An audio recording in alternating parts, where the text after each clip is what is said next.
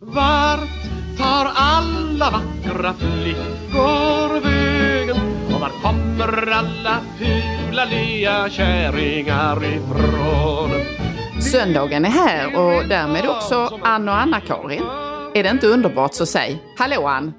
Hallå Anna-Karin! Jag sitter här på ett regnigt Österlen och gläds faktiskt åt regnet måste jag säga. Ja, det skänker svalka. Det skänker lugn kanske för dig? Ja, men jag blir så stressad. Det har varit väldigt fint väder ett par dagar och jag har en hel del att göra just nu. Jag har lite texter jag måste skriva och sånt där. Och jag blir så stressad när jag sitter inne och ser ut på detta strålande solsken. Ja. För när man är svensk, som vi ju onekligen är, uppväxta i det här landet, så vet ja. man att de soliga dagarna är att få. Och då ja. blir man stressad och vill utnyttja dem och känner att idag kan jag inte sitta inne. Men det är omöjligt att sitta ute och skriva för man ser inte ett skit på skärmen om man sitter ute i solsken. Ja, nej, så därför känner jag ett lugn i min kropp idag för det ösregnar. Och det ska ösregna i 36 timmar och jag kommer få mycket gjort på de 36 timmarna. Makterna är med dig idag med andra ord. Ja, och det är också bra för allt som växer och så vidare. Bönderna är säkert supernöjda. Det har ja. varit väldigt torrt här ett tag faktiskt. Ja. Hur är det i Göteborg? Eh, det är en eh, eh, lugn, som, alltså en sån här mellansommardag. Eh, ja. Man ser lite blått på himlen men det är också rätt mycket moln. Så att jag behöver nog ut i trädgården idag. Jag måste det eftersom det inte mm. regnar här. Det regnar ju nästan alla andra dagar så att det är det omvända. ja. ja, man har inte så höga krav på fint sommarväder i Göteborgstrakten. Nej, eh, så jag ska luka lite. Vet du vad luka ja. är? Ja, det vet jag. Det är ja, bra ogräs. Och det är ju bra om det är lite fuktigt i jorden. Det är lite enkelt. Ja. ja. Men eh, eh, innan dess irriterar vi oss. Vi har ju ett, ett digert ämne och vi har mycket att prata om. Så att, mm. eh, vad, vad, har sökt dig under veckan som har gått? Alltså jag är mycket irriterad på Wikipedia. Oj! På de, artikeln om dig eller generellt? Ja men alltså det är ju ett generellt problem. För vilken jävla dåre som helst kan gå in och skriva saker på Wikipedia. Ja. Och så är det så att jag, ska, jag har lite sån här eh, små gig i sommar kan man väl säga. Jag ska vara gäst på olika ställen. Så här, gäst vid havet och jag ska prata på något museum och jag ska ja, delta i en paneldebatt på en kvinnofestival på uh, ett slott här och så vidare. Så det är lite olika grejer. Och sen så de här uh, rara och trevliga arrangörerna skriver då som är presentationstexter. Mm. Och då har jag sett att liksom i flera presentationstexter så står det att jag är värd värdekonservativ. Tänkte, vad fan är det för trams? Värdekonservativ? Ja. Och så inser du att upphovet till, det, till detta påstående det är texten de är på Wikipedia. Där det står att Ann Heberlen har kritiserat mångkulturalismen ur ett värdekonservativt perspektiv. Mm. Vad är det för ett påstående? Den människa som har skrivit det ska ha stryk. Och själv, jag, ska, jag, kan, jag ska ha värdekonservativ stryk. Jag ska så jävla mycket värdekonservativt kantianskt stryk så att han inte kan eh, prata mer eller skriva. Ja. Alltså jag, jag, vet inte, liksom, jag slåss hela tiden mot den här idén om att jag skulle vara konservativ. Mm. Var kommer mm. det ifrån? Jag är inte konservativ. Nej, men det, Framförallt det, inte liksom moraliskt. Jag har aldrig varit moralkonservativ i hela mitt liv.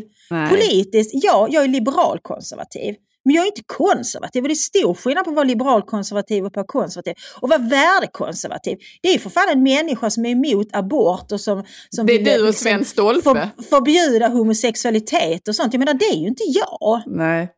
Nej, ja. det, det, jag, när jag hör det ordet så tänker jag som jag sa på Sven Stolpe, typ. Det, det, som, ja. ju, som var verkligt konservativ och värde, om, man nu, om det nu finns något som är värdekonservativt så ja, stämmer det ganska bra på honom. honom. Sven Stolpe, nej tack. Nej, det är nog inte så många som krokar arm med honom längre alls. Men eh, det där fenomenet som du beskriver, att man är väldigt snabb att sätta den typen av etikett och att det sen ja. fäster vid den och att man tenderar att vilja upprepa den om och om igen. Mm. Eh, det är oerhört störande och jag brukar alltid när jag ser att det står något liknande etikett på mig, att man mm. frågar då vad, exakt vilken text eller vilken utsaga av mig är det som så att säga motiverar den här etiketten då. Om man tittar på de texter som man har producerat eller som det står mm. mitt namn på så är det, inte, det är inte givet att man kan se en tydlig politisk position där som går att sätta ett, en partiepitet eller en partifärg på. Utan det, det, finns olika, precis som du är efter, ute efter där, att man har olika nyanser och olika ställningstaganden i olika frågor. Framförallt kanske inte ställningstagandet är det viktiga, utan det är resonemanget och ja, ja, precis, diskussionen precis. om å ena sidan och å andra. Men den som ställer sig på liksom motståndarsidan här är ju inte intresserad av de nyanserna eller skiftningarna i en ställningstagande, utan det är etiketten som är det viktiga. Och detta är mycket irriterande, jag håller med dig. Ja, men jag förstår inte heller ens vad etiketten värdekonservativ betyder. Alltså det är inte ett epitet som man brukar använda. Men, men för mig så, så, så handlar det ju, alltså det, det indikerar ju någonstans att man är konservativ i sina värderingar. Och det ja. är väldigt svårt att säga att man överhuvudtaget kan påstå att jag är. Och att säga att jag har bedrivit en värdekonservativ kritik av mångkulturen, det är ju befängt. Mm. Den kritik jag har, har bedrivit mot mångkulturen, om jag nu överhuvudtaget har gjort det, det har ju snarast handlat om att, att liksom de fenomen som, som vi kan se i vissa delar eh, av liksom eh, en del etniska minoriteter i Sverige idag som, som liksom förhindrar kvinnors frihet mm. eller som eh, har jävligt homofoba uppfattningar och så vidare. Och det är väl inte värdekonservativt? Nej att kritisera just de sakerna. Så att, men, men, men, irritation här handlar i grunden om att, att vem som helst kan uppenbarligen liksom skapa något konto och gå in och påstå saker på Wikipedia. Ingen faktagranskare. Jag har varken tid eller lust att gå in och skriva på Wikipedia själv. Nej. För det har stått jättekonstiga saker. Det har ju, någon skrev en Wikipedia-sida med för typ liksom, jag vet inte, 20 år sedan eller någonting. Mm. Och det har stått jättekonstiga saker om mig under årens lopp som jag har fått kännedom om, typ så jag varit ute och föreläst och så har någon sagt ja det här är en Heberlein, hon bla bla bla, så va, var har du fått det ifrån? Ja men det står ju på din Wikipedia-sida. Mm. Och då mm. tycks folk tro att det är jag själv som går in och skriver saker där. Ja. Men det gör man ju inte. Alltså det är väl ingen som skriver en egen Wikipedia-sida. Det är ju bara liksom random människor som aldrig har träffat mig som ja. påstår saker. Sluta med det. Och sen så måste jag också påminna mig själv, för jag använder ju naturligtvis Wikipedia. Mm. Och då måste man ju vara försiktig och inse liksom att det är inte säkert att det här stämmer. Nej, precis. Man måste alltid, alltid korskolla det. Ja. Eh, och, och, se vilka länkar som är inlagda i artikeln och så vidare. Och det, är ju, det här är ju, det du pekar på är ju också ett dilemma ur ett skolperspektiv. Därför att ja, eftersom, så, eftersom som få elever idag har riktiga faktagranskade läroböcker utan istället är hänvisade till att söka sig fram på nätet. Och mm. då är ju de här träffarna som du eh, nämner här, Wikipedia, det är de som man får upp först.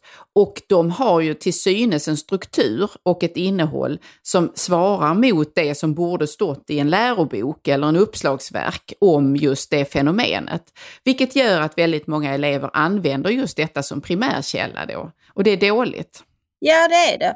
Och liksom det, det som du sa här för ett tag så tycker jag också, jag vill bara upprepa det för jag tycker det är väldigt bra. Alltså just den här, den här driften att etikettera människor. Mm, mm. Och att, att den som får en etikett på sig har ingen som helst rätt att ifrågasätta. För idag så liksom tycks ju väldigt många vara överens om att folk själv måste få bestämma vilket kön de anser att de tillhör. Det är liksom mm. ingen som på något vis kan ifrågasätta det utan att bli kölhalad.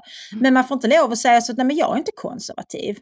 Mm. Jag är inte det och jag är verkligen inte högerextrem utan det kan liksom bara vem som helst klistra på en. Mm. Eller att man är vänsterextrem eller vad det nu är liksom folk använder. Det borde väl ändå vara liksom rimligt att individen själv får lov att bestämma vilken politisk etikett har jag. Sen vill jag också avslutningsvis säga att det är stor skillnad på en politisk ideologi och en moralisk hållning. Ja. politiskt så har jag absolut liksom vissa konservativa uppfattningar som handlar om till exempel att jag tycker att vi ska ha ett starkt försvar. Det är en klassisk liksom konservativ mm. hållning.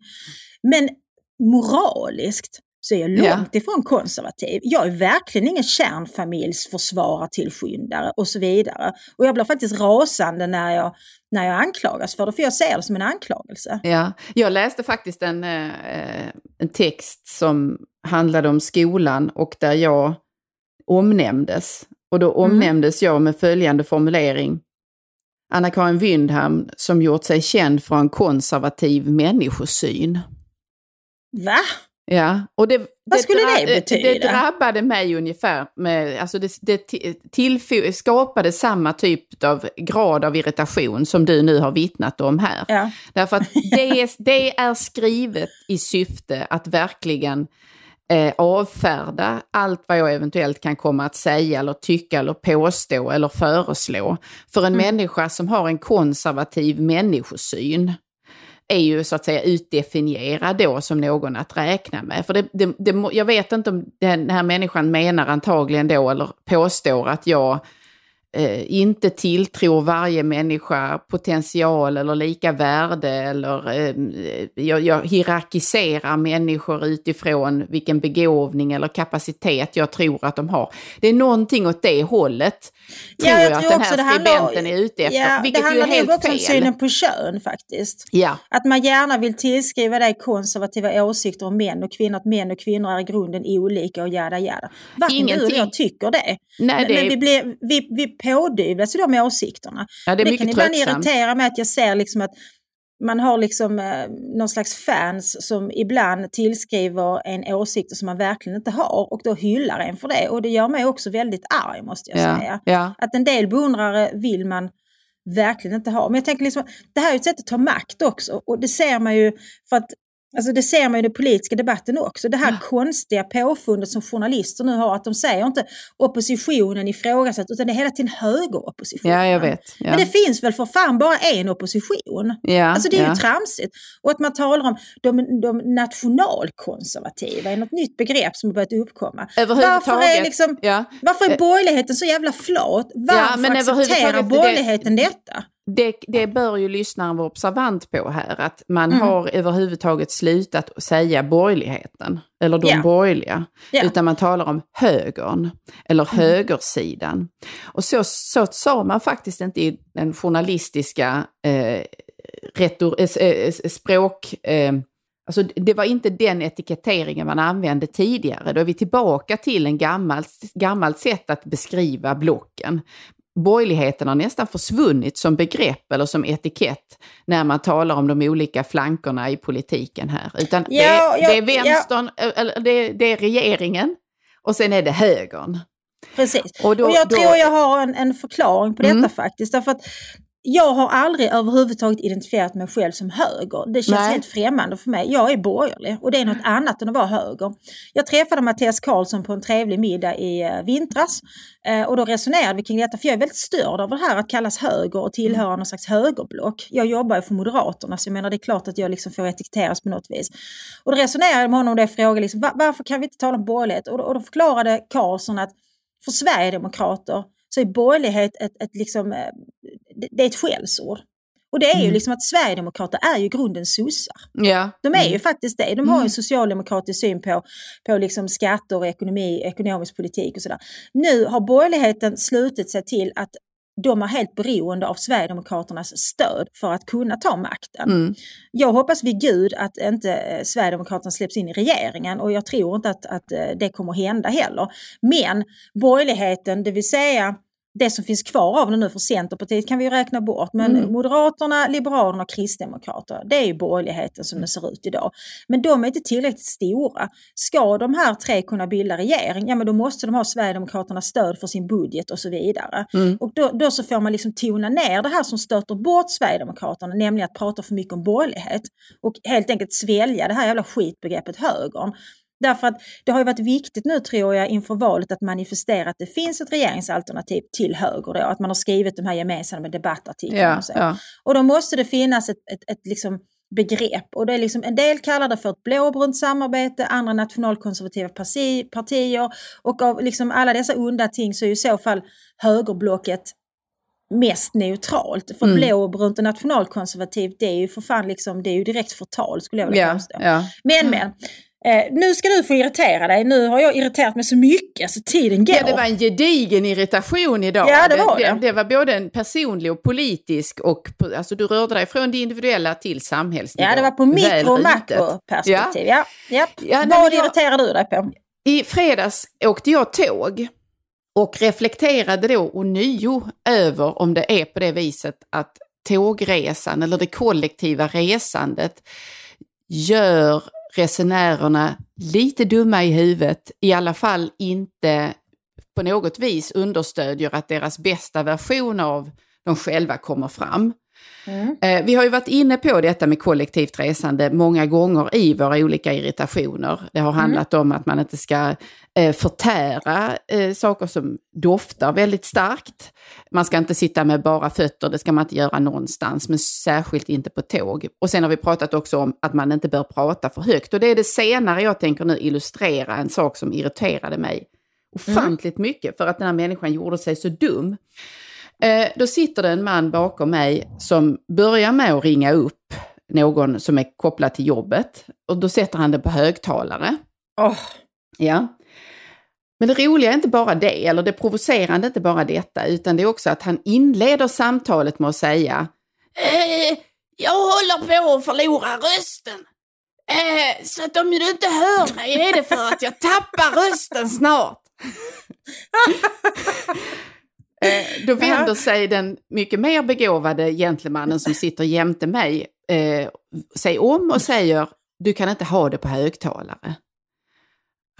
säger han då, den här mannen som tappar rösten snart och stänger av högtalaren, mm. men fortsätter prata med sin mycket forcerade och ansträngda stämma. Och samtalet avslutas, men den som tror att han nu ska låta rösten vila tror fel. Han ringer upp person efter person som har viktiga saker, som, som ska få höra allt viktigt han har att berätta. Och han inleder varje gång med Alltså jag håller på att tappa rösten. Så om du inte hör. Och ni sitter där och hör detta och tänker bara när ska han tappa rösten och så det blir tyst. Ja, för för varje samtal måste han trycka på i den här extremt irriterande röstläget som det blir om man har en, en prövad röst så att säga, den måste han trycka på med ännu mer. Så alla vi hör ju detta dåliga samtal och hans ansträngda röst. Och fråga, frågan är då, vad är det som gör att han inte förstår att om han håller på att tappa rösten så ska han ju för helvete inte anstränga den mer och ringa upp folk. Särskilt inte på tåget. Är det inte korkat? Jo, det är korkat. Överhuvudtaget kan man säga. Jag, jag, jag, vet, jag tror det var Gunilla Brodrej i Expressen som skrev en, en, en text om Amini Kakabaveh för någon mm. vecka sedan när hela det här politiska vilderiet var som vildast så att säga. Och då hade, hade Kakabaveh suttit och, och liksom pratat vitt och brett i telefon på tunnelbanan. Oj. Om sin inställning till NATO och Turkiet och vad hon tänkte göra, inte göra och så vidare. Ja. På ett liksom ganska flagrant sätt. Ja. Och något liknande eh, skedde faktiskt här eh, i, i Skåne. Eh, en grupp eh, politiska sekreterare då, tillhörande det som vi fortfarande kallar Alliansen i Skåne. Mm. De satt på tåget till Kristianstad. Vi skulle ha eh, regionledning i Kristianstad, eh, så de åkte mellan Malmö och Kristianstad på tåget.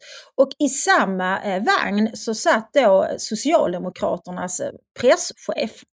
Mm. Och hon pratade mycket högt i telefon om, om deras olika planer för, för valkampanjen och olika debatttexter som skulle pitchas in och så vidare. Och det har vi haft nytta av sen måste jag säga. Men jag menar man får ju ändå tänka sig för lite om man har ett sånt jobb. Då kan man inte sitta liksom och berätta om alla sina planer mitt i liksom ett offentligt rum som ju Pågatåget till Kristianstad sannoliken är. Så Nej, de här jag, tre politiska ja. sekreterarna spetsade öronen och antecknade noga. Så vi ja. har haft mycket roligt åt detta sen. jag, jag ska våga mig på en liten psykologisk analys av vad det är som gör att man gör detta. Det som Kakabaveh gjorde, det som mannen med den forcerade stämman gjorde och mm. det du just beskrev. Att man är på något sätt så blir man lite hög på möjligheten att inför hela vagnen berätta via det här telefonsamtalet hur oerhört viktig man är, eller hur drabbad mm. man är, som mm. om det nu är mm. fråga om att man har en ansträngd röst.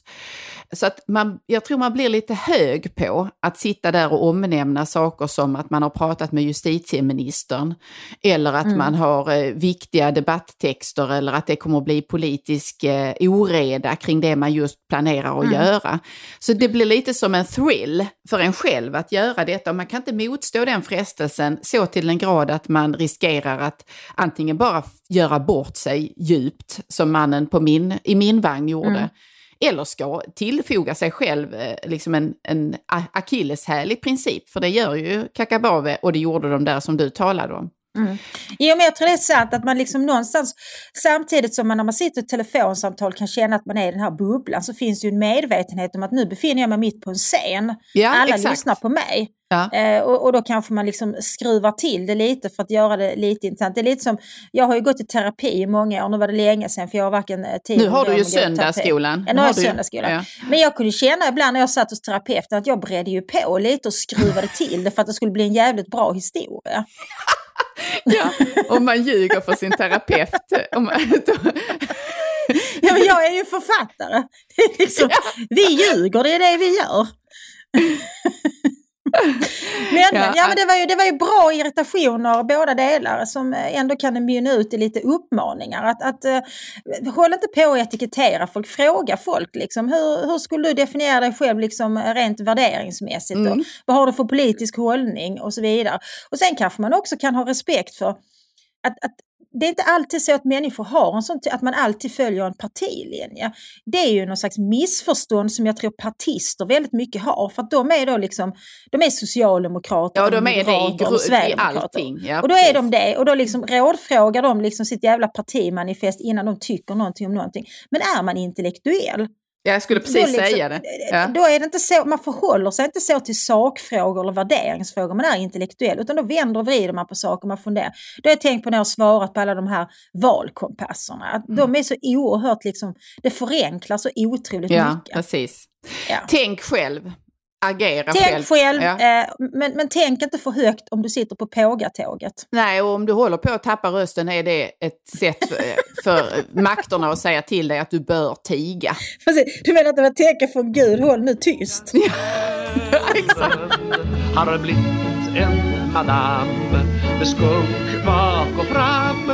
Och på tal om Gud så närmar vi oss då vårt ämne idag. Ja, eh, som ju är kaos.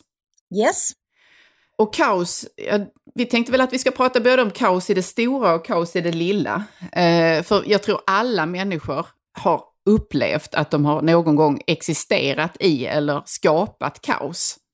Mm. Kanske inte, alltså det, det, kräver ju ändå någon slags självkritik och självgranskning att ibland inse att man kanske är källan till kaos. Det är mycket, mycket ja. lättare att se att någon annan har skapat kaos som man själv har dragits in i. Mm, som man eh, drabbas av. För kaos är något som drabbar också. Precis. För, för kaos som vi ska beskriva det, det är ju någon, någon slags förvirring, eller inte bara någon slags, utan total förvirring och oreda. Det är den associationen mm.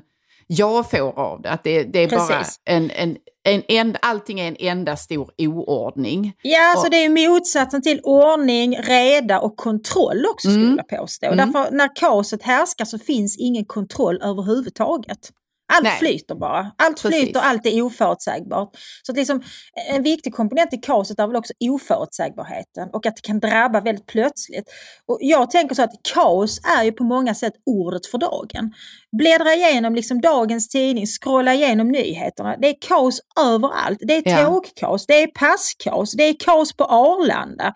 Det är, det, det, det är kaos överallt i princip. Politiskt ja, kaos har vi ju levt med en hel mandatperiod med alla dessa fjantiga misstroendeförklaringar och alla dessa liksom galna överenskommelser som sen bryts på olika sätt och allianser till kors och tvärs som inte hålls och så vidare. Men, det är ett ja. oerhört kaos. Men kan man, man kan väl också se då, just mot bakgrund av det du beskrev, att Eh, beskrivningen av tillståndet som kaosartat eller kaosigt mm. har ersatt det, ersatt det ord man tidigare använde för eh, motsvarande tillstånd. Då talade man om systemkollaps. Det var det ordet som pa passerade revy väldigt många gånger när vi hade eh, flyktingkrisen och eh, det välde in folk i Sverige. Då talade man om systemkollaps på olika ja, fast nivåer. Det fick man väl inte egentligen? Nej, alltså var det men... så att om, om man använde ordet systemkollaps så var det liksom ett tydligt tecken på att man, man var nazist? Alltså ja, den jag... som sa systemkollaps blev ju anklagad för, för att överdriva Eh, och för att liksom... Eh... Jo, men där hade vi ju ändå att det, det, det drog sig, jag håller med dig om att det var på det sättet, men sen mm. så småningom ju mer förloppet Alltså, eller det hela accelererade under det där året och vad som skedde sen och när Socialdemokraterna småningom skiftade position i hur de beskrev detta, så skulle jag säga att med det följer också att systemkollapsen, eller att det var nära förestående en sådan, mm. erkändes eller fick något slags erkännande. Men i samma eh, skede så växlar också, så försvinner det ordet ut och istället så talar man om tillfälliga perioder av kaos eller oordning eller att man har tappat kontrollen av. Alltså att polisen har tillfälligt tappat kontrollen under upploppen under den gångna påsken Men, exempelvis. Ja, det är ju det... intressant att fundera över hur de här begreppen förhåller sig. Man kan mm. också tänka sig begreppet kris. Alltså om vi har kris, systemkollaps och kaos. Kris, kaos och kollaps. Hur förhåller de sig till varandra rent kronologiskt skulle du säga? Kommer kollapsen före kaoset eller tvärtom? För nu indikerar du att vi talar om systemkollaps, nu talar vi om kaos. Ja. Är kaos, alltså är användandet av begreppet kaos ett sätt att så att säga relativisera kollapsen? Att man menar att det här är bara något tillfälligt kaos, ja, medan en, ja. en systemkollaps är på något vis permanent skulle jag vilja påstå, eller ja, då måste gå djupare. Då måste man bygga upp allting på nytt igen, på något vis, som en systemkollaps har inträffat. Och men jag, jag vill nog påstå att när man säger att någonting är kaos, det är kaos på Arlanda eller det var, det var kris eller eh, vilket ord du nu använde mm. i något av de andra eh, arenorna här som vi har berört. Då indikerar ju det att detta är ändå bara temporär oordning. Om vi bara får till de där mm. eh, olika terminalerna eller olika, vad heter det, Eh, delarna på Arlanda så kommer mm. det här ändå ordna sig. Om den där jävla tryckpressen i Finland, alltså det blir lagat ja. så att vi kan få Men, våra pass igen. I detta finns det ju, kan man ju vara observant på vad det finns för politisk retorik i att beskriva det just på det sättet. För skulle man koppla mm. ihop allt det du just sa, som där, där mm. det råder kaos, så skulle det också kunna tolkas eller användas i ett resonemang som indikationer, eh, tillfä- eller olika slags indikationer på att det är någonting på systemnivå som inte fungerar. Eller att det är någonting på ledningsnivå i de här mm, mm olika mm, viktiga stöttepelarna mm. i samhället som inte fungerar. Och det har ju funnits en sån underliggande diskussion till exempel om polisen. Ja. Där eh, passkaoset eller det faktum att man tappade kontrollen under påskkravallerna är ett mycket större problem än bara det temporära just där mm. och då. Det har med ledningen att göra eller det har med ja. liksom, och då är, det, då är vi på systemnivå skulle jag säga. Mm. Ja, men jag, jag, skulle vilja påstå att de utbrott av totalt kaos som vi faktiskt ser nu, det är en konsekvens, ett symptom på eh, att systemet inte fungerar. Mm. Sen om det totalt har kollapsat eller inte, det vågar jag inte uttala mig men, men utan tvekan så finns det stora brister i våra system. Låt mig bara delge en, en helt anekdotisk erfarenhet här nu av detta så kallade passkaos. Ja. Vi ska åka på semester eh, mycket snart. Mm. Eh, jag beställde en semesterresa, några dagar efteråt så, så upptäckte Erik att hans pass var borta. Okej, okay, liksom det var ändå tio veckor eller någonting till vi skulle åka så vi tänkte det, det, det kan väl ordna sig. Då mm. börjar först, liksom, det, det, det första problemet är att överhuvudtaget få en tid. Och då hade jag pratat med min mamma i telefon som då, hennes pass går ut och då hade hon fått en tid i december. Och nu ja. när, jag, när detta händer så är vi alltså i mars. Mm. Och då blev jag ju liksom lite nervös kan man väl säga. Erik hade en, en oerhörd tur och fick en tid för att, att uh, skaffa nytt pass då jag tror det var den typ 8 juni eller någonting. Eh, mm. och vi skulle då åka typ nu liksom. Mm. Så vi tänkte så att ja men det stod på polisens sida att det tar eh, ungefär då max 10 arbetsdagar att få ett pass. Så tänkte jag ja men då liksom det klarar du ju precis så. Mm. Ja så kommer vi då dit därför jag var tvungen eftersom han inte kunde identifiera sig för han hade inget ID-kort. Han hade bara sitt pass och det var väl därför han blev med det från början för att han hade det med för att legitimera sig. Så jag var med för ja. att intyga att Erik är Erik. Och så sa jag så att ja och sen så får vi detta inom en vecka då eller tio dagar och sånt. Och då säger och skrattar hon, den här passmänniskan. Och säger oh nej ni får nog räkna med minst fem veckor, kanske sex, sju veckor. Så jag bara va? Men det står ju på er sida att det, det tar max tio dagar. Ja, mm. nej men det är gammal information. Och då ser jag när jag går in på sidan liksom och scrollar ner, mm. att sen längre ner så står det då lever beräknad leveranstid och då är det 5 till 6 veckor. Men innan det så står det det här gamla vanliga om 10 arbetsdagar och redan där gick ju alla mina säkringar för då tyckte jag så kan ni ju inte skriva. Nej. Så, så hade hon då en idé till lösning att istället skulle Erik då skaffa sig ett nationellt ID-kort för då kunde han själv åka in till eh, polisen i Malmö. Som är, på två ställen i hela Skåne kan man få sådana här så kallade nödpass. Och det är polisen i Malmö och sen så är det på Drottninggatan och sen så är det på Sturup. Och på mm. Sturup utfärdar de det två timmar om dagen. Ja, så skulle vi lösa det. Så det måste man då fixa 78 timmar innan avresa. Så då åkte vi in till polisen i Malmö för att reka lite. Och, och då, då, kom vi liksom dit och såg en kilometer lång kö utanför polishuset på Drottninggatan. Mm. Och Erik pratade lite med folk och folk var så, ja jag har ju varit här sedan kvart över sju igår kväll. För tydligen är systemet så att, att när polisen öppnar på morgonen klockan nio så delar de ut kölappar. Och då delar ja, det är lite som kanske... till eh, kön till Idol. Ja precis, då delar ja. de ut sådär kanske 30 per dag eller någonting. Ja. Och de lyckliga som har fått lapparna kan då gå in och, så, och då beställa ett nödpass. Ja. Och då måste man ju vara först i kön. Så sen så har det rapporterats i pressen om slagsmål i kön, om våld i kön. Alltså folk är ju desperata. Ja. Folk köar i flera dygn, de får ändå inte något pass. För sen så hände det, det som, detta olyckliga att dagen efter vi hade varit inne och rekat så att säga, så gick även den apparat som då tillverkar de här eh, tillfälliga nödpassen i Malmö sönder. Och därför så kunde polisen bara utfärda ungefär 10 nödpass om dagen. Vilket inte på något sätt liksom kan möta eh, vad ska vi säga, det behov som finns. Så här finns det liksom kollapser på flera nivåer som orsakar fruktansvärda kaos. Ja, så vi fick då liksom sluta ja. oss till att okej, okay, vi kommer inte iväg. Så ringde jag till resebolag och skulle avboka och så säger hon så ja men ni kan åka på nationellt ID-kort. Så säger jag, men det här landet, vi ska till Albanien, ska, så att det här landet är inte med i Schengen. Men det fanns ett specialavtal. Polisen sa till oss att det inte gick, så där är också någon, ett system för att polisen inte sitter på rätt uppgifter. Nej. Så på många sätt är ju detta system som inte fungerar. Hur, hur kan liksom alla nordiska länder vara beroende av en tryckmaskin i ett land? Men det du, beskri ja, men det du beskriver här är ju också, om man försöker lyfta det från liksom den individuella, individuella erfarenheten. Ja, så förloppet här och de olika så att säga miss luckorna i systemet mm. ger ju en beskrivning av något som där vi inte kanske har associerat detta eller sett det som någonting som sker i Sverige som har varit känt för att man har sån ordningsam byråkrati och saker och ting sker på, på rätta datumet och man kan lita på posten, mm. man kan lita på att mm. bussen kommer, man kan lita på att polisen kommer och så vidare och att de är, att eh, överhuvudtaget gör det de ska och så.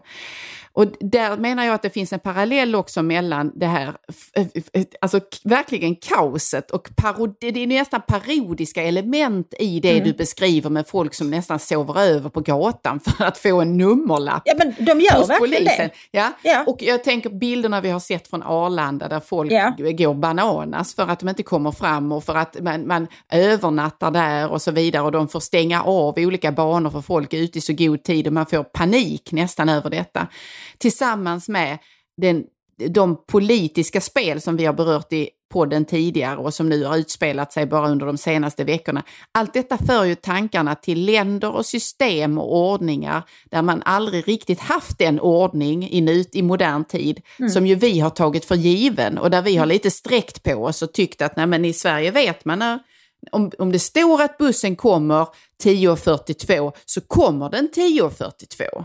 Precis. Och jag tror att det är det som också kan göra att vi då kanske ibland är mer benägna att ta till sådana ändå skarpa uttryck och skarpa beskrivningar av förloppet som det är kaos, det är systemkollaps, för att det står i så bjärt kontrast till det vi till vant den erfarenhet vi ja. har. Ja. Medan jag tror att om man kommer man hit och då från en, en kulturell kontext eller från ett land där detta är standard så att säga. Där man verkligen aldrig kan veta om bussen kommer eller om man ringer så, och så står man, får man stå fem minuter i kö och sen får man ändå hjälp med sin fråga. Där man, inte, man rycker lite mer på axlarna åt detta, man ser det som någon slags, men det är så det är, man vet aldrig. Liksom. Ja men det, det, ska inte vara så. Nej det är klart det, får, det, får, det, får inte vara så. Det, det, alltså, det var e- Erik berättade här om, han hade sett eh, på sociala medier eh, att en hel del amerikaner då som, som har hamnat på Arlanda har fotat och liksom filmat och lagt ut detta då och folk är helt chockade. Skriver så liksom att ja, jag är liksom på Arlanda här, Stockholm, Sverige. Detta påminner när jag var i Kongo för 20 ja, men precis, år sedan. Det är det jag menar. Ja. Liksom, det, det ska inte vara så. Nej, nej. Ett poddtips från Podplay. I podden Något Kaiko garanterar östgötarna Brutti och jag, Davva, dig en stor dos skratt. Där följer jag pladask för köttätandet igen. Man är lite som en jävla vampyr. Man har fått lite blodsmak och då måste man ha mer. Udda spaningar, fängslande anekdoter och en och annan arg rant. Jag måste ha mitt kaffe på morgonen för annars är jag ingen trevlig människa. Då är du ingen trevlig människa, punkt. Något Kaiko, hör du på Podplay. Därför är gardinerna. Midjan så smal så att Royal Om vi tänker på liksom begreppet kaos och vad ja. det inkorporerar för laddningar och betydelser så eh, den beskrivning du och jag gjorde av det initialt här av att det är oordning, motsatsen mm. till regler och, och förut, möjlighet att förutsäga och så vidare, så ligger det ju i ursprunget av, alltså den, den, det här grekiska ursprunget till ordet, att i den grekiska mytologin så betyder egentligen det här ordet rymd. Så att mm. det betyder inte... Tomhet egentligen. Ja, ja, precis. Och i denna rymd, i, detta tomhet, i denna tomhet, där finns det någon slags eh, urmateria eller mm. urtillstånd ur vilket någonting också kan uppstå. Det är bara mm. det att vi vet inte vad detta som kan uppstå är. Så i kaos, i ursprungsbetydelsen, så finns ju också en möjlighet.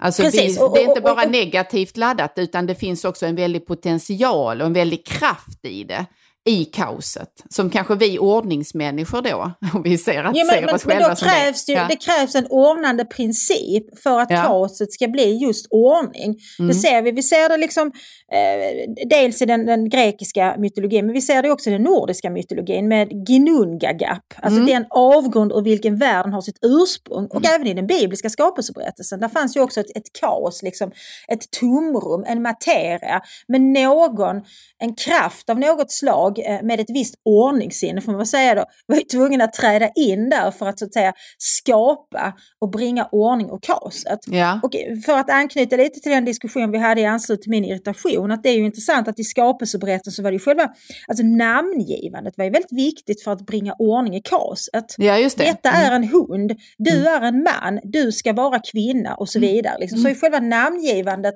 så skapades något som formades materien och blev till ett sammanhang med ordning och med regler mm. eh, på olika sätt.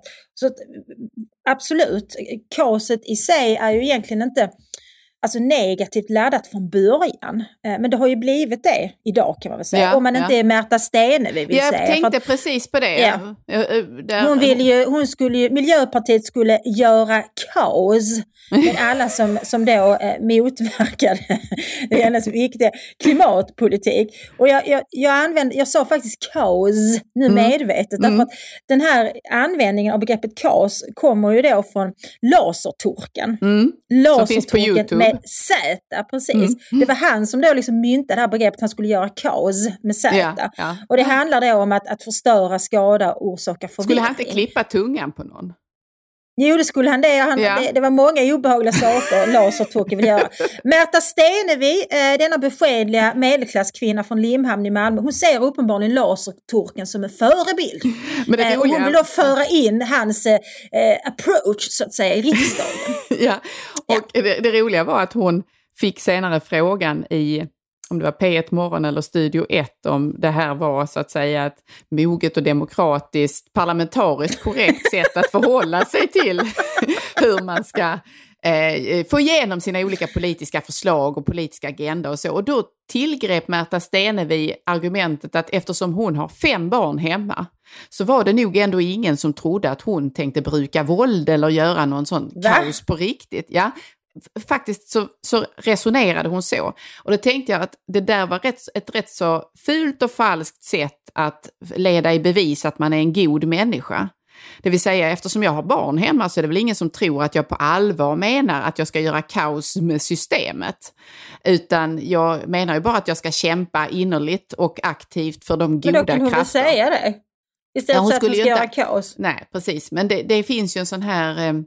Alltså den, det, det, måste vi nog anklaga nästan alla partier för att man har en, en försöker ibland så här vara lite, prata lite slangspråk eller vara, använda begrepp och eh, eh, metaforer och liknande som då man tror ska slå an någonting hos en yngre publik. Eller man ja, ska alltså visa att man... Laser, hon har nog lasertorkens röst som en liten ask nu i alla fall.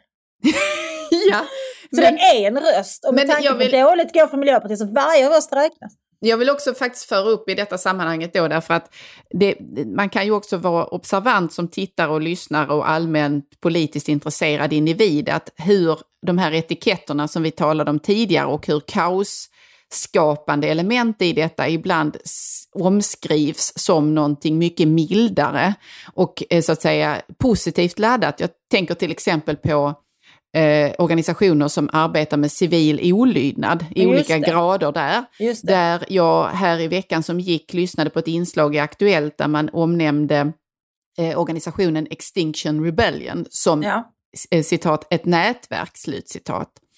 Ett och, nätverk? Ett nätverk, ja. Och eh, jag skulle Jesus, säga att i så fall är det ett kaosskapande nätverk. Därför ja. att det här är en organisation som Eh, i alla fall under den vår som har gått nu eh, och tidigare också har gjort ingrepp i människors liv eh, och hindrat dem från att komma fram eller hindrat plan från att lyfta, hindrat trafik från att komma fram därför att de sätter sig över lagen. Mm.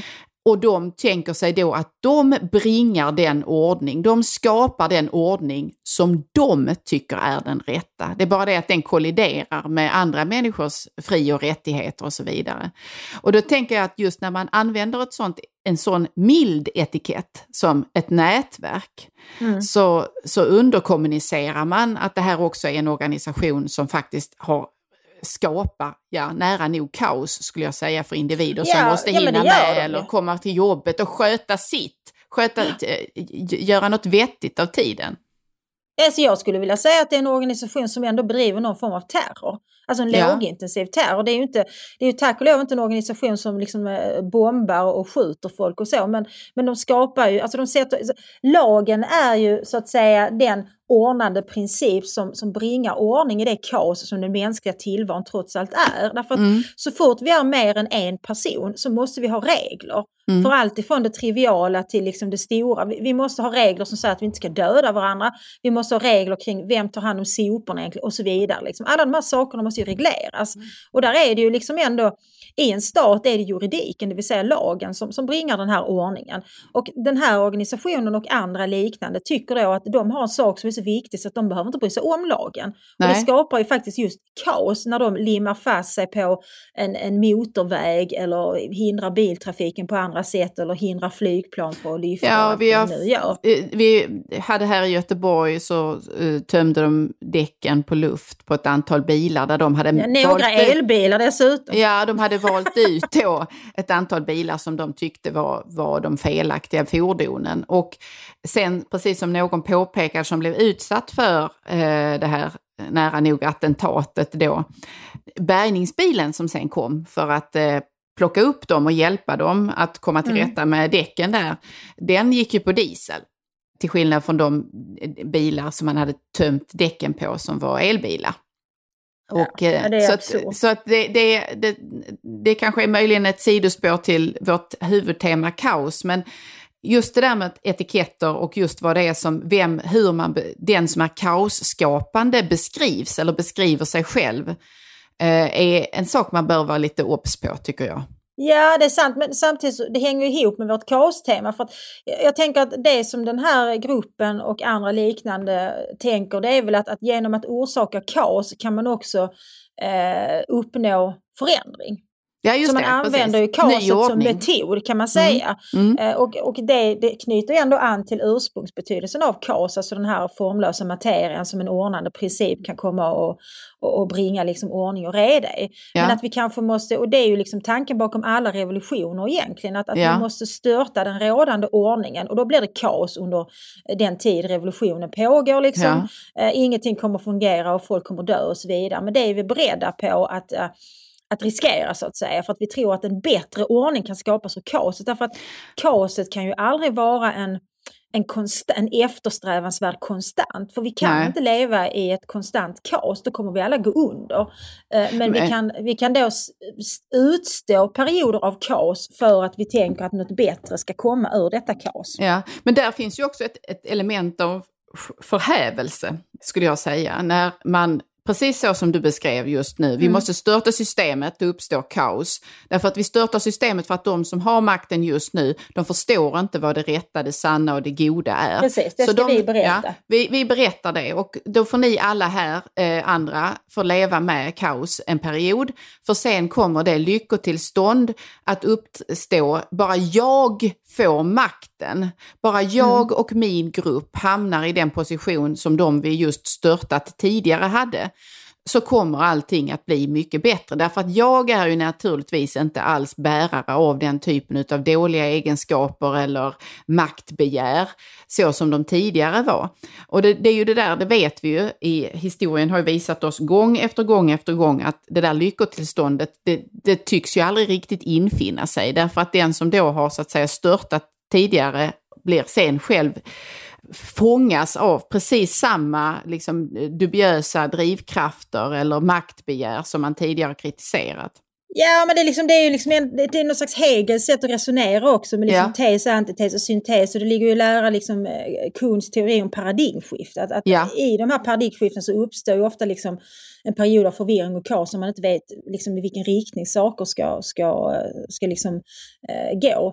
Men, men, jag tänker om, om vi för ner det på en, en mikronivå, en mer liksom privat mm. nivå, så tänker jag att, att en sån sak som en skilsmässa, det är ju också ett sätt att att skapa mm. kaos naturligtvis. Mm. Men där resonerar man ju på samma sätt. Man lever i ett äktenskap, äktenskapet är en väldigt tydlig ordning. Man har också inom ramen för det här äktenskapet skapat sina egna privata ordningar så att säga. Mm. Eh, man bör känna sig eh, liksom obekväm i den här ordningen och vill bryta upp eh, men resonerar fram och tillbaka med sig själv för man vet att uppbrottet kommer att orsaka kaos innan en ny ordning etablerar sig. En ordning som innebär att vi två kommer att leva inte som ett par utan som två separata individer. Detta påverkar andra, våra barn, det påverkar ekonomin. Vi måste lösa detta kaoset som uppstår när vi ska sälja vårt hus och, och dela på pengarna eller skulderna, eh, ordna ett sätt att ta hand om barn och så vidare. och så vidare. Mm. Men det kaoset orsakar man ju medvetet för att man tror att något bättre ska komma efter kaoset. Mm. Så det är lite det är samma sätt att resonera. Ja, vis. ibland är det kanske nödvändigt att att orsaka kaos för att uppnå en förändring. Ja, ja precis. Att jag tänker att, Luther han fick ju väldigt mycket skit för att inte han stöttade bönderna i, i bondeupproret. Men det var ju för att för Luther på den tiden så var kaoset det var det största hotet. Han ville ha ordning. Han ja. såg kaos som eh, motsatsen till gemenskap. Att mm. kaoset skadade och liksom splittrade människor. Mm. Och han trodde att det bästa för människan och för ett samhälle var att leva i en ordnad gemenskap. Och jag kan, jag kan förstå hans sätt att tänka men jag förstår också kritiken. Därför att jag menar nog ändå att, att skapandet av kaos kan ibland vara nödvändigt ja, jo, för precis. att uppnå något annat. Har blivit en madam med skunk bak och fram men det finns ju en eh, del i detta som jag kan ibland när jag tänker på det så tycker jag det nästan är både det fängslar mig och fångar mig, men det är också lite läskigt. Eh, och det är detta med kaosforskning eller kaosteori. Mm. Där man då, en, den, den innefattar otroligt mycket som jag på inget vis kan göra reda för e, eller ens förstå, om jag, även om jag skulle lägga väldigt mycket tid på det. Men det finns ett, en komponent i den som handlar om att små förändringar eller alltså eh, någonting väldigt, väldigt litet som sker på mm. en plats på jorden kan ge då återverkningar på, eller ger små marginella men ändå förändringar och påverkanseffekter på någonting väldigt långt borta. Och där man mm. brukar tala om det som man kallar fjärilseffekten då, att en, en fjäril som, som slår sina vingar eh, långt bort i Sydamerika mm. någonstans kan ha minimal men ändå någon påverkan på luftströmmar så att orkaner eller oväder kan drabba oss här. Och att de två delarna hänger ihop. Och jag förstår den på ett sätt. Alltså det, intellektuellt förstår jag denna beskrivning och att det är på det sättet. Men det är också samtidigt väldigt skrämmande för det innebär ju att jag kan aldrig någonsin egentligen skapa mig en bubbla där jag är trygg eller kan liksom ta skydd från världen. För det som sker där, var det än sker i världen, kommer att ha efter återverkningar och möjlig påverkanseffekt på, på mig och de som är runt mig. Mm. Tycker ja, inte du det är läskigt? Jo, alltså jag tycker det är så obehagligt så jag inte riktigt vill tänka på det faktiskt. Men jag vill inte heller tänka på rymden. Alltså jag gillar inte att, att överhuvudtaget tänka på saker som jag tycker är är möjliga att, att greppa så att säga. Och, och för mig är det, det, det, det, är en tanke som är mycket svår att härbärgera så att Ja, säga. ja. Men, och, och det tror jag faktiskt att det är för de flesta människor. Alltså, människan är ju också väldigt upptagen av att kategorisera. Vi var ju inne på det innan när vi pratade om det här med att etikettera andra Mm. människor. Det är ju ett sätt att kategorisera. Och det gör man inte bara med, med etiketter som, som eh, på något vis eh, indikerar politisk tillhörighet, utan det gör man också när man talar om människor som psykopater och sociopater och narcissister och borderline och allt vad de nu är. Men jag tänker också på hur vi har har ordnat tillvaron. Jag menar hela Linnés system där Ja. allting ordnas i kategorier och underkategorier. Och om vi går tillbaka till, eh, till liksom Hippokrates och så vidare som talar om eh, alltså hela alltet uppbyggt av olika typer av vätskor och hur människan då präglas av gul galla, svart galla, eh, blod och eh, vad nu den fjärde, det kommer jag faktiskt inte ihåg. Men Mm. att, att om, om, om liksom individen då eh, präglas av eller domineras av gul galla så ger det en viss personlighet och så vidare. Och jag tror att, att den här ivern att, att kategorisera och katalogisera är ett utslag av att vi lever i en tillvaro som är oerhört oförutsägbar Ja, ja. och därför skrämmande. Ja, och kaosteorin manifesterar ju detta, att, Ja. att en till synes obetydlig händelse väldigt långt bort kan få långtgående konsekvenser. Jag tänkte faktiskt anknyta till vår politiska vilde här, därför att när Kakabaveh hon uteslöts ur partiet, eh, som jag minns det, Ja.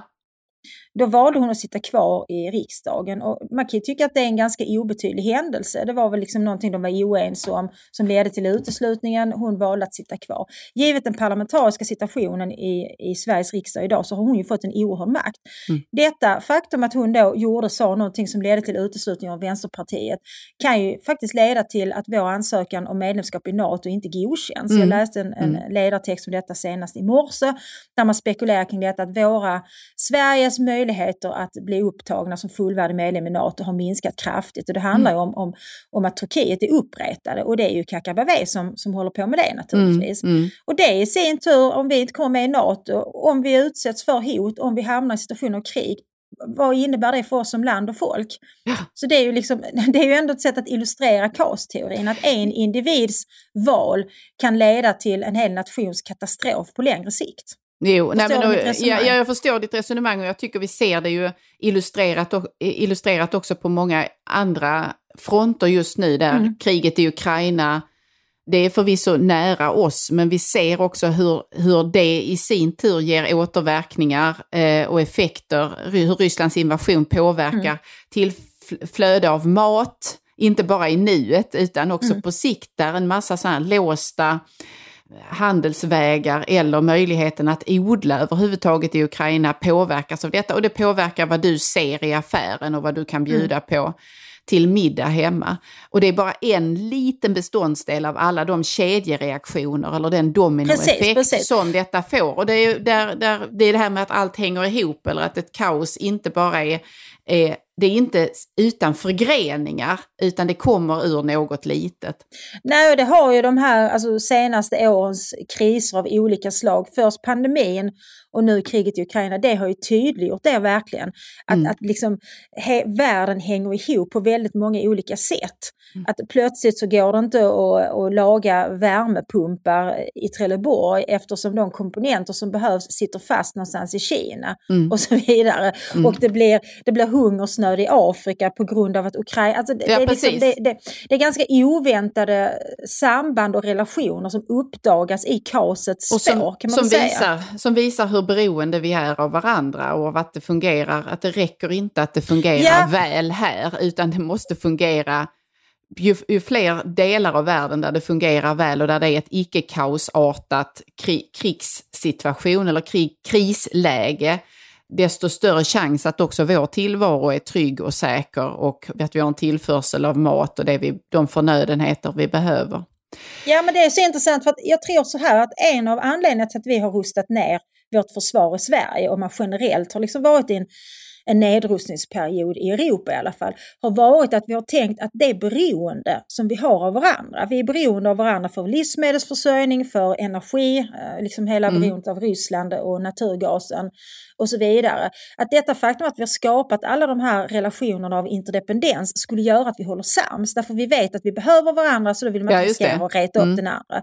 Det är ju, det är ju liksom ett helt felaktigt resonemang. Mm. Alltså se bara på alla dessa äktenskap som människor faktiskt väljer att, att, att liksom, dra sig ur, eh, mm. hur mycket vi grälar med våra närmaste, med våra partners, hur vi ofta liksom på något vis riskerar eh, den ordning som ändå är är basen i individens liv, alltså den mm. vi lever med. Det, det, det, är ingen annan person som vi är så beroende av som den människa vi är gift med eller sambo med. Vi kanske har barn tillsammans, vi har lån på huset tillsammans, våra ekonomier bygger på detta, vi har gemenskap, gemensamma vänner, vi går på parmiddag och så vidare.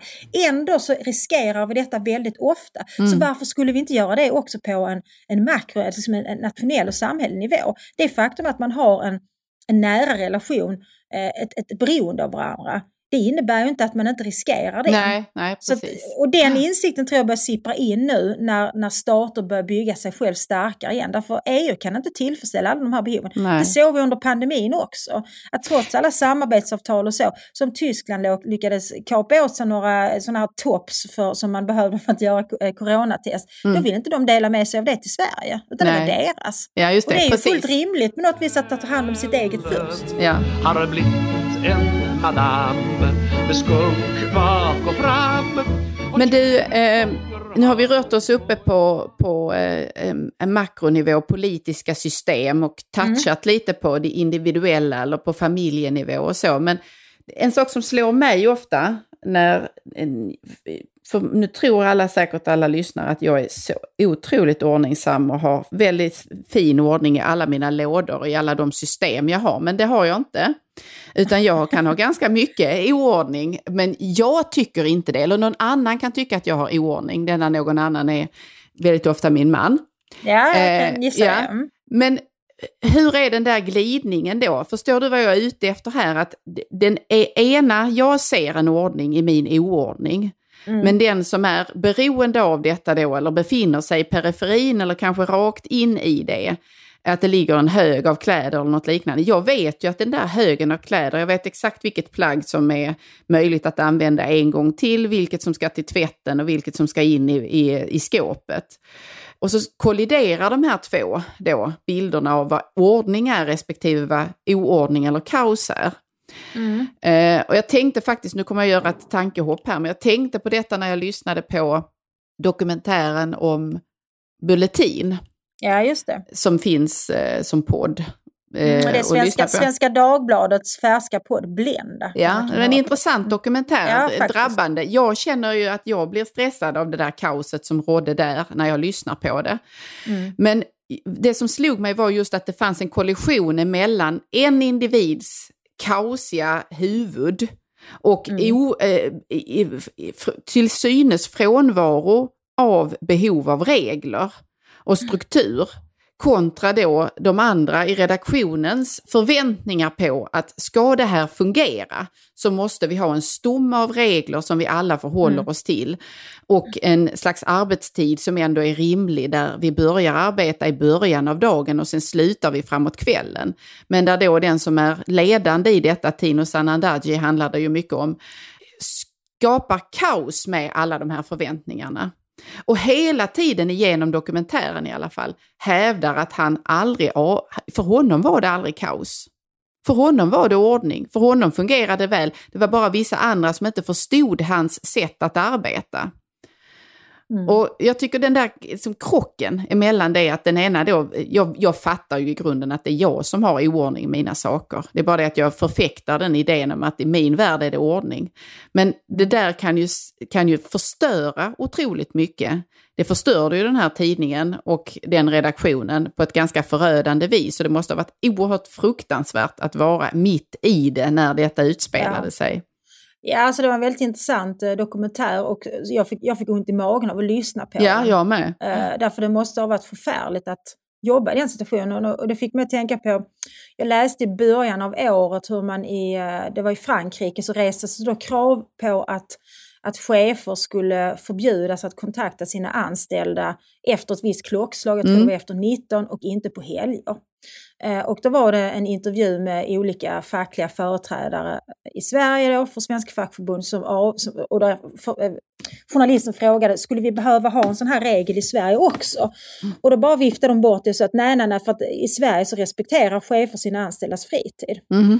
Mm. Och det som väl har hänt här med Tino och så tror jag nog det är i väldigt hög utsträckning i svenskt arbetsliv att det är ganska sällsynt tror jag att chefer eller överordnade hör av sig en en lördag kväll för att kräva någonting. Mm. Ehm, men jag tror att i Tinos ordning så var det nog en självklarhet att man kontaktade, fick man en idé så kontaktade man en mm. medarbetare och tyckte att nu ska du göra det här eller det här mm. får du ändra eller varför har inte den här texten skrivit och så vidare. Därför så arbetade han.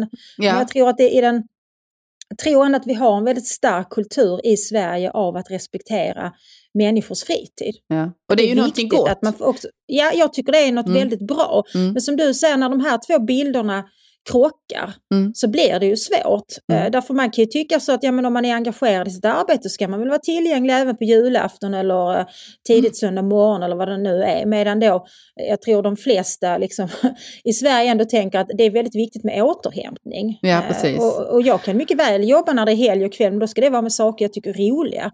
Eller för att man, man själv, man inbillar ja, sig att man, man själv väljer det man själv har valt. Ja. Jag menar, och jobbar man som du och jag med att producera texter så, där, så, så jobbar man i princip alltid. Därför varje bok eller text jag läser, saker jag ser om jag lyssnar, tjuvlyssnar på något på bussen så tänker jag att det kan jag använda i en text eller i en bok eller en artikel. Eller så. Ja, och sen, precis. Och sen handlar det mycket om, som du är inne på, att man, sånt man tycker är eh, alltigenom roligt och som, som den här podden som du och jag driver. Ja, och precis. Det, det, och det har vi ju vi... valt själv. Ja, och det gör det är ju ingen som har sagt till oss att vi måste göra det. Nej, liksom. och den spelar vi, vi ju in fri vilja. Eh, på, på helgen eller på kvällen när man har slutat sitt andra jobb. Då, man liksom, då har man ju en beredskap att göra det där och en villighet att göra det. Men det är för att det finns en, frihet, en frivillighet i det också. Det skulle vara en helt annan sak om någon hade då ålagt mig och utan att jag var sagt jakande till det då, eh, att du förväntas göra detta när jag liksom pingar på dig eller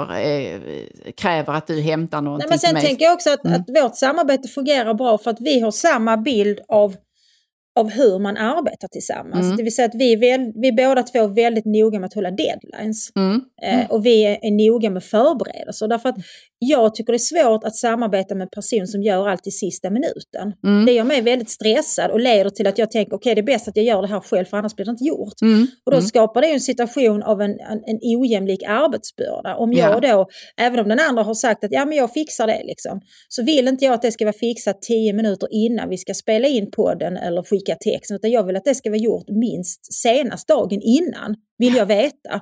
Ja. Att saker är förberedda. Ja, och är det inte det så sätter jag mig och förbereder själv och så skapar det så småningom en viss bitterhet för jag tänker att jag gör ju 90% av allt i den här ja. arbetsrelationen. Så vill jag inte ha det.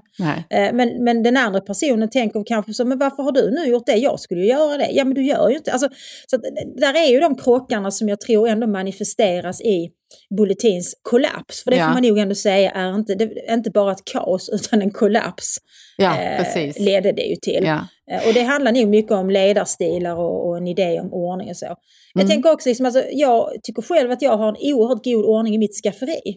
Ja. Men jag har ju ordnat eh, de olika produkterna i skafferiet efter mitt sätt att, jag tycker till exempel att, att eh, alla mjölsorter står på en hylla och där tycker jag det är självklart att även alla olika sorters eh, sötningsmedel, så socker och honung, de hör ihop med mjölet på ett sätt. Mm. Jag kan inte riktigt förklara varför. Eh, för när då Erik eller Fanny eller någon annan som befinner sig i mitt hem Eh, eller i vårt hem får jag väl säga, ska leta efter något så förstår inte jag varför de inte förstår att kaffet står på tredje hyllan från vänster.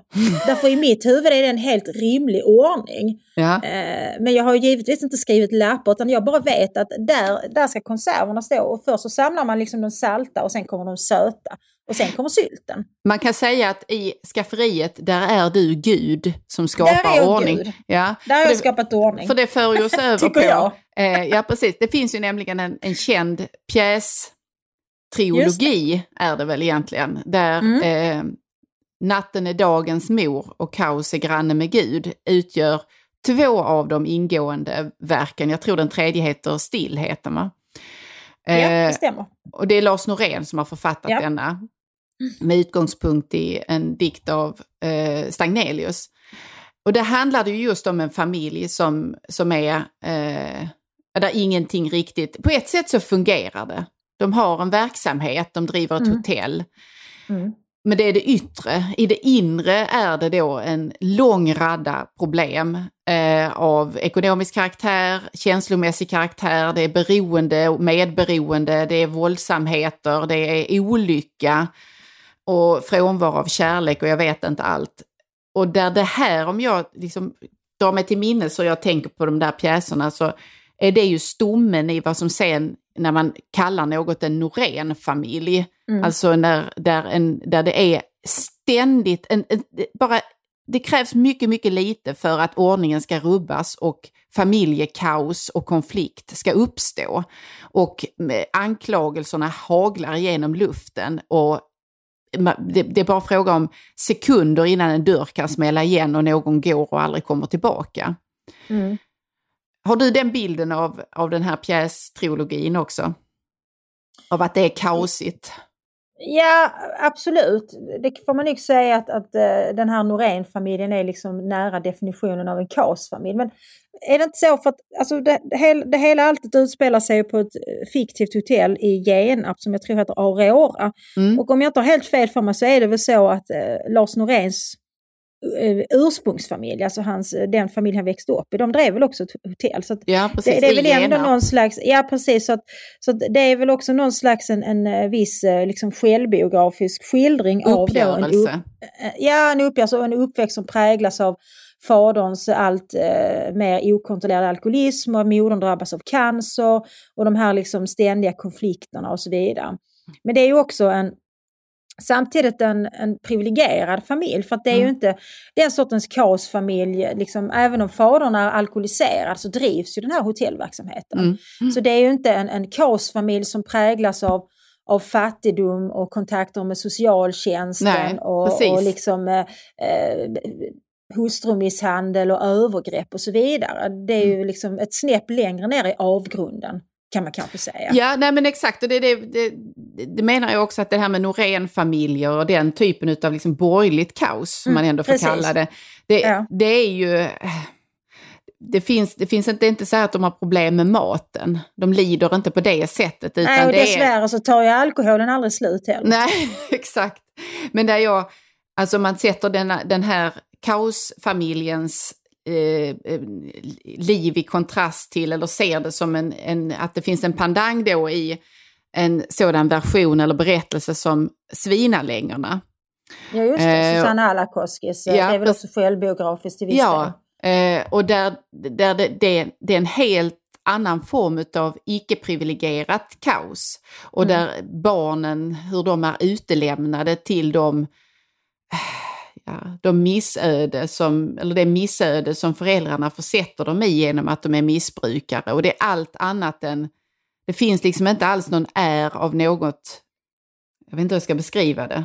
Allting är eh, tragedi där på mm. ett annat vis. Det, det, finns nog någonting som ibland, jag har haft stor glädje och lärt mig mycket av att se och läsa Noréns dramatik. Men ibland kan, jag, kan det störa mig just detta att det finns, det är någonting som är så mätt i det ändå. Alltså de, de, de, de har ingenting att göra så då trakasserar de varandra. Eh, förstår du ja. vad jag menar med det? Och det talar jag inte om hans senare dramatik som Nej. mer eh, intresserade sig för verkligen skuggsidorna i samhället. Men det han började med, de dramerna som kom i början, de handlade ju mycket om någon slags medelklassfamilj. Övre medelklassfamilj ja. kanske till och med. Jo men alltså grälandet och konflikterna det är också ett sätt att, att, att få tiden att gå. Mm, precis. Att, att, att, att, skapa de här uppträdena. Det kanske är liksom som du säger i, i en familj som egentligen inte har några konkreta problem, om det inte finns en överhängande liksom, hot mot ens ekonomi eller någonting, så kan ju det här grälandet, de, de små sakerna kan ju då istället bli stora saker. Nu i det här vi räknade upp innan, det fanns cancer och så vidare, så det fanns ju ändå en del sådana problem. Men, men jag förstår vad du menar med liksom det här privilegierade kaoset. Samtidigt tänker jag mig att både i Noréns eh, skildringar av familj, dysfunktionella familjer och Susanna Alakoskis skildring och det finns ju flera sådana som handlar om, om uppväxten i en familj som präglas av missbruk och våld. Där uppstår ju inom ramen för kaoset uppstår en viss ordning. Ja, just det. Därför att det, är liksom, det som är, är kaosets kärna skulle jag vilja säga det är oförutsägbarheten. Mm. Mm. Men i en sån situation så, så, så, finns det också en, en förutsägbarhet. Att man vet att okej, okay, nu är arbetsveckan slut. Nu kommer pappa börja supa klockan ett när han har gått av sitt skift. Mm. Sen kommer han att supa fram till söndag. Eh, på lördag kväll så kommer han att vara så jävla förbannad som han är när han har supit ett dygn. Så då kommer han att klå mamma. Och så vidare. Alltså förstår du liksom att, att så, jag tror som barn i en sån familj så ser man också en viss ordning därför att liksom de här sakerna sker i, i, en process, i en kedja. Ja. Och så kan det väl vara i den här dysfunktionella Norén-familjen också, att man vet vilken knapp man ska trycka på. Mm. Jag säger mm. det här, då mm. kommer hon att svara på det sättet, varpå jag gör detta och så vidare. Ja, liksom. precis, och det precis. tycker jag är ganska intressant med de här ordningarna inom ramen för kaoset så att säga. Mm, mm. Det är ett sätt att försöka äga kaoset, att försöka förutse se ja, de ordningarna. Och, det och hålla jag... sig undan när man ser att nu är det på gång. Ja, och det, det visar ju också, det finns ju i Alakoskis eh, självbiografi eller berättelse där att människans kraft och överlevnadsinstinkt och mm. eh, kapacitet att uthärda också vidriga levnadsomständigheter. Och när ingen, inte de som borde hjälpa en, hjälper en, för de kan inte heller hjälpa sig själva, så mm. går det ändå att komma ut ur det och, eller hitta en liten plats i detta kaos där man kan, från vilken man antingen kan fly i sinnet eller hitta sätt att uthärda tills dess att det stillar sig igen och eh, det kanske blir måndag eller någonting inträffar så att ordningen, i alla fall den ordning som då, den är ju relativt som vi sa, återetablerar sig. Och det tycker yeah. jag, och, och, jag tycker det är en, det ligger ju egentligen i källan till namnet som Lars Norén gav sin trilogi där med Natten är dagens mor och kaos är granne med Gud. För i Stagnelius dikt, som heter I förödelsens stund, mm. som ju handlar om, alltså när man är på botten eller när man kanske till och med överväger att eh, släppa livet. Eh, därför att det finns ingenting där och man bara sjunker och sjunker. Mm. Så avslutas den här dikten just med att i, i bedrövelsens mörker, gläds o vän och sjung i bedrövelsens mörker. Natten är dagens mor, kaos är granne med Gud. Och det är ju att just, just i detta mörka, i det all, absolut mest splittrande och söndrande, så kommer ur det ändå någon kraft att rädda dig eller plocka upp dig, ur vilken du kan då, eh, inte återuppstå, men finna ny kraft. Och det tycker jag är en mm. väldigt vacker bild. Jo, det är det och jag tänker att det handlar ju om de människor som drabbas av kaoset. Mm. Men det finns ju de som orsakar kaoset. Eh, det finns ju människor som ja. är så att säga kaosiga personer och mm. de tar sig på något vis också rätten att dominera andra människors liv. Mm. mm. Eh, och de på något vis så mäts de med andra måttstockar än människor som inte är kaos. Jag menar vi känner alla sådana människor, vi har ja. levt med sådana människor, vi har haft sådana i vår släkt och så vidare. Att man, man vet att man kan inte, låt säga att man ska ha eh, ett gemensamt midsommarfirande, då vet man så att ja, men vi kan inte be farbror Tage ta med någonting för att han, han, han misslyckas alltid med det. Vi ja. kan inte lägga ansvaret på jordgubbarna på honom för då blir det fan inga jordgubbar. Så därför så istället så, så, så underlåter man att be farbror Tage om någonting utan fixar allting själv. Ja. Så de här människorna som är de här kaoskaraktärerna. Mm. De, de, de gör det ju... Alltså, Kaoskatalysatorerna skulle vi kunna ja, kalla precis, dem. Ja, precis. Alltså vi, någonstans så, så liksom, äh, ger vi dem äh, lite frisedel nästan och mm. behandlar dem lite mildare än andra. Och jag menar, det, är också, det finns ju också sådana här kaosiga personer i offentligheten som, mm. Som på något vis har, har gjort sig ett namn på att vara just kaosig. Jag, tänker på, jag vet inte om, om du har lyssnat på den här podden med Ola Rapace och äh, ytterligare en person vars namn jag har glömt. Men Fredrik Ola, någonting, ja. Ja, precis. Mm jag tror den heter något sånt, Sorry allt gick åt helvete. Ja. Och det är ju då två män som tillsammans beskriver, eh, framförallt Ola Rapace måste jag säga, verkar vara en otroligt kaosig person. Ja. Men han beskriver det liksom ungefär som att det är jävligt charmigt bara. Ja, jag vet. Jo, nej, men och där, där det också har blivit, eh, inte kanske ticket to fame, men det har blivit en viktig del i hur den här personen framställs medialt och också att man då gärna vill, man vill gärna i intervjuer eller i klipp filmningar med de här personerna ha in det elementet just av att nu gick det åt helvete igen eller nu skapade den här människan, gjorde någonting oförutsägbart och kaosigt. Eh, och då är det roligt. Alltså det finns, någon, det finns ju, det gränsar ju lite till lyteskomik kan jag tänka. Absolut, absolut. det, är liksom, det, är, det är ju respektlöst mot den här personen om det nu är liksom Ola Rapace eller Torsten Flink eller Camilla Henemark. Det är mm. ju liksom tre mm. exempel på människor som har fått den här kasiga karaktären att spela i offentligheten. Ja. Det är möjligt att den är så att säga uppförstorad av media och kanske till och med uppförstorad av dem själva ibland därför att det är en del av deras persona. Men det kan ju inte vara så himla roligt att vara son eller dotter till, till Nej, någon av de här precis. personerna eller partner eller förälder eller vad det nu kan vara. Men, men jag tänker ändå att vi kan eh, vi, vi uppmanar oss själva och vi uppmanar våra lyssnare att ibland får man faktiskt sätta, säga ifrån mot sådana här kaosskapande eller kaoskatalysatorer. Eh, ja, och inte, och ibland... inte gira runt dem eller till eh, dem det handlingsutrymme eller det extrautrymme eh, som ingen annan får utan att man faktiskt får liksom helt enkelt ibland avstå att bjuda eller ibland bara säga ifrån. Jag tycker man får lov att göra det.